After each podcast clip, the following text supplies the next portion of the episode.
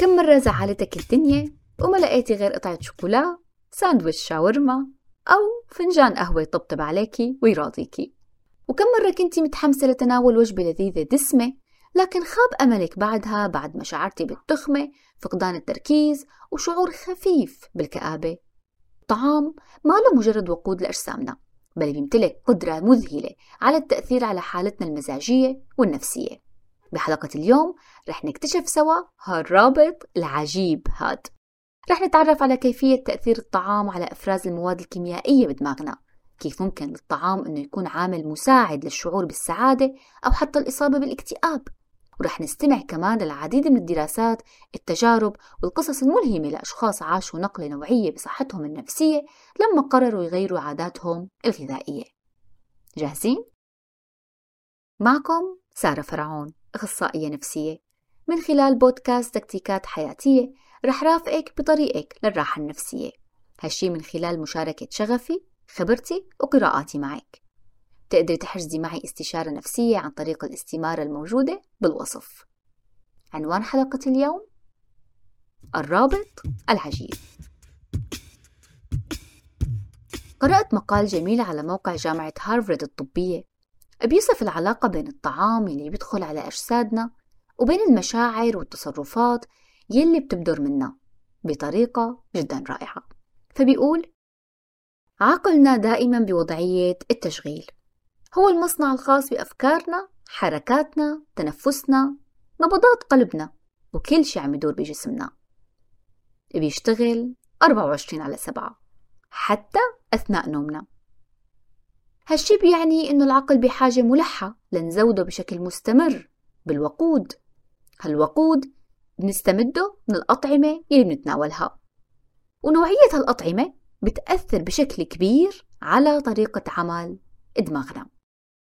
فببساطة كل شي بنتناوله من طعام بيأثر على بنية ووظيفة دماغنا وبالنهاية بيأثر على مزاجنا وتصرفاتنا. الأمر بيشبه جدا السيارة. السيارة الجيدة أو الفارهة تحتاج لبنزين جيد. فالبنزين أنواع في بنزين نقي بنزين نص نص وبنزين رديء النوع. لما بنستخدم بنزين نقي ممتاز بنكون عم نحافظ على هالسيارة وعم نتجنب أي أعطال أو تصليحات.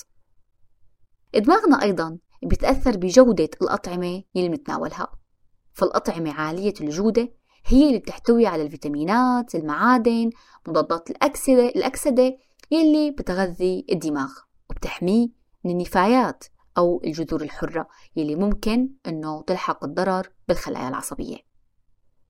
والدماغ أيضا تماما مثل السيارة. ممكن يتضرر لما منتناول وقود جودته رديئة مثل الأطعمة السريعة المقلية والغنية بالسكريات. فوجدت دراسات متعددة وجود علاقة بين اتباع نظام غذائي غني بالسكريات الصناعية وضعف وظائف المخ وحتى تفاقم أعراض اضطرابات المزاج مثل الاكتئاب بسبب أهمية هالرابط الفريد انوجد تخصص اسمه الطب النفسي الغذائي يلي بيدرس هالارتباطات هي طيب سارة كيف بتأثر الأطعمة اللي بنتناولها على الصحة النفسية؟ كيف انوجد هالرابط العجيب هاد؟ شو دخل المعدة بالدماغ؟ حلو كتير. السيروتونين هو ناقل عصبي مهم جدا بيساعد على تنظيم النوم الشهية تثبيت الألم والحالة المزاجية. ونعم هو أحد هرمونات السعادة مثل ما هو شائع. حوالي 95% من السيروتونين بيتم إنتاجه بالجهاز الهضمي. والجهاز الهضمي مبطن ب 100 مليون خلية عصبية. فالجهاز الهضمي ما بتقتصر وظيفته على هضم الطعام فقط بل بيلعب دور مهم بتوجيه العواطف.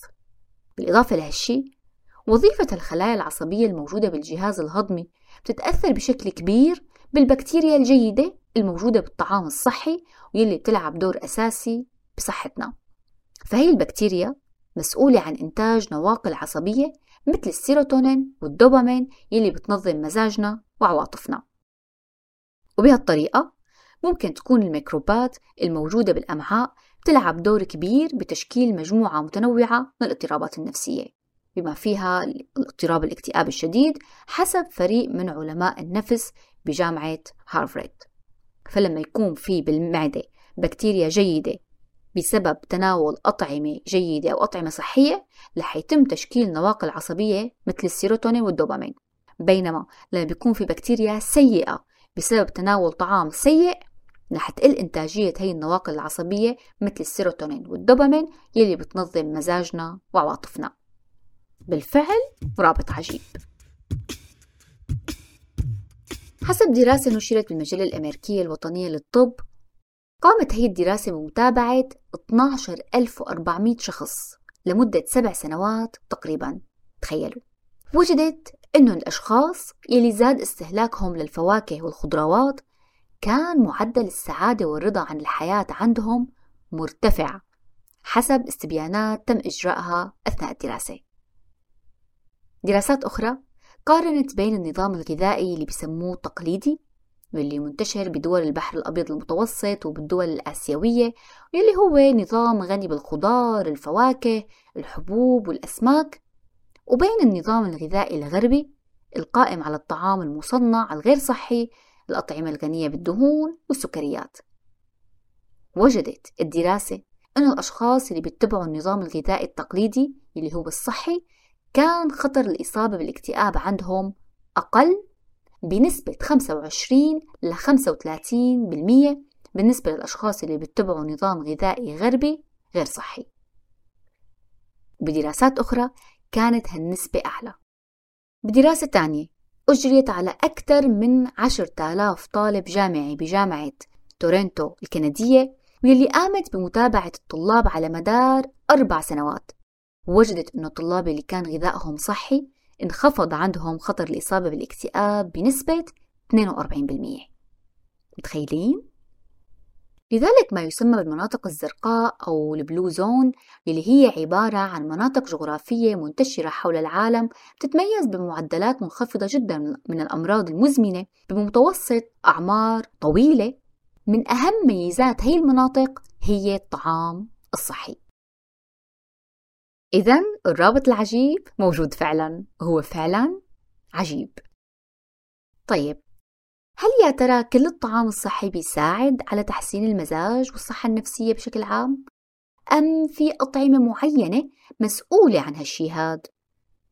اتباع نظام غذائي صحي ومتوازن بيساهم بشكل عام على تحسين صحتك النفسية والتقليل من خطر الإصابة بالاكتئاب والعديد من الاضطرابات النفسية الأخرى لكن بالإضافة لهالشي يوجد أطعمة معينة بتساعد على تحسين المزاج والنفسية مثل الشاي الأخضر والأعشاب. كوب دافئ من الشاي الأخضر إحدى الطرق اللي بتساعدك على الشعور بالهدوء والاسترخاء فهو بيعمل على خفض التوتر بشكل كبير. أعشاب أخرى ممكن يكون لها تأثير مهدئ للمزاج مثل اللافندر أو الخزامة بالإضافة لشاي الياسمين. شاي الياسمين رائع جدا لتحسين المزاج. يوجد كمان البابونج. فالبابونج هي عشبة طبية قديمة. تخيلوا تم استخدامها من العصور القديمة كمخفف طبيعي للتوتر. وجدت دراسة صينية أنه البابونج بيساعد على تحسين النوم بالنسبة للأشخاص اللي بيعانوا من القلق وبيقلل من أعراض القلق والاكتئاب. أنا دائما بوصي بشراب البابونج أو بشرب البابونج بالنسبة للعميلات اللي بيعانوا من مشاكل بالنوم أو المزاج. وبالفعل بيلاقوا تحسن ملحوظ عليه. العدس. العدس مصدر ممتاز لفيتامينات بي واللي بدورها بتساعد على تحسين المزاج عن طريق زيادة مستويات الناقلات العصبية مثل السيروتونين والدوبامين كما أنه نقص هي الفيتامينات بيرتبط بشكل رئيسي باضطرابات المزاج مثل الاكتئاب. المكسرات. من أكثر الأطعمة المرتبطة بالسعادة وتحسن المزاج هي الشوكولا. لكن المكسرات الطبيعية مثل الجوز، اللوز، الكاجو إلها تأثير كبير على المزاج والسلوك لأنها بتزيد من مستويات هرمون السيروتونين بالجسم. وهو الهرمون المرتبط بالشعور بالسعادة. البطاطا الحلوة. البطاطا الحلوة مصدر غني جدا بالكربوهيدرات المعقدة وغنية جدا بالعناصر الغذائية المفيدة للجسم بالإضافة لأنها بتساعد على خفض مستويات هرمون التوتر اللي هو الكورتيزول.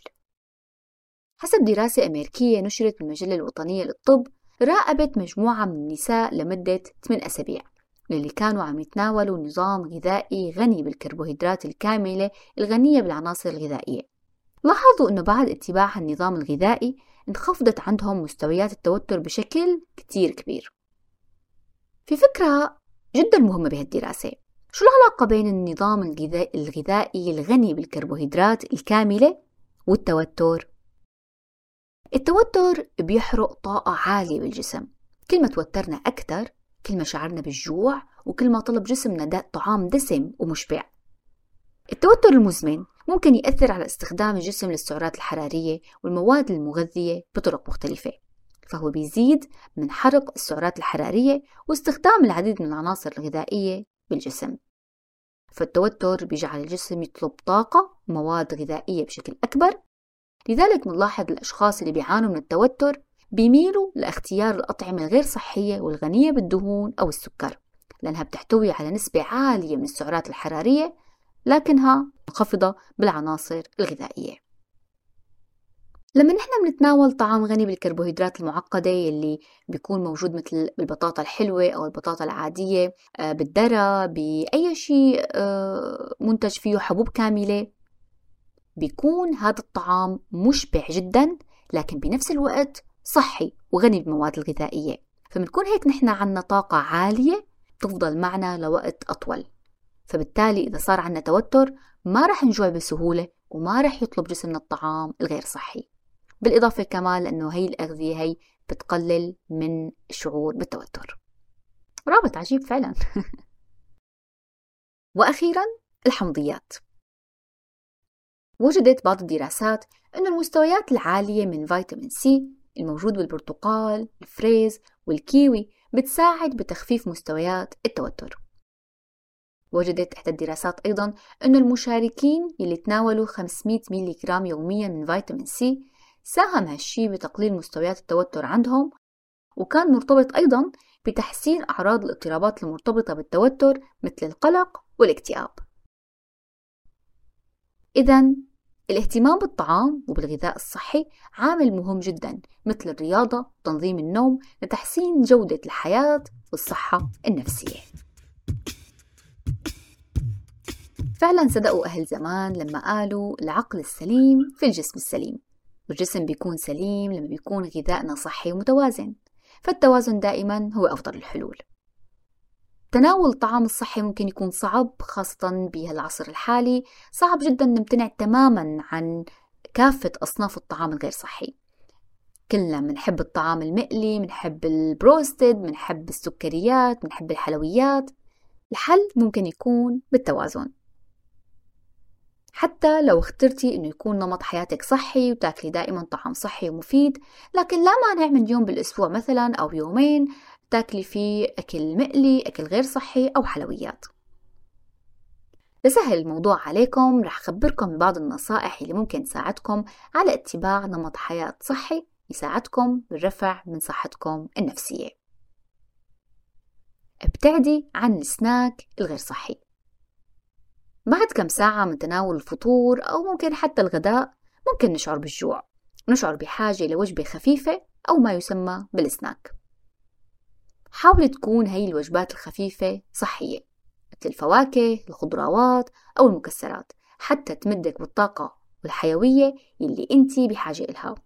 فتناول السناك الغير صحي مثل الحلويات أو الشيبس رح يضعف من قدرتك على التركيز ورح يخفض من مستوى طاقتك. فخططي دائما أنه يكون السناك صحي.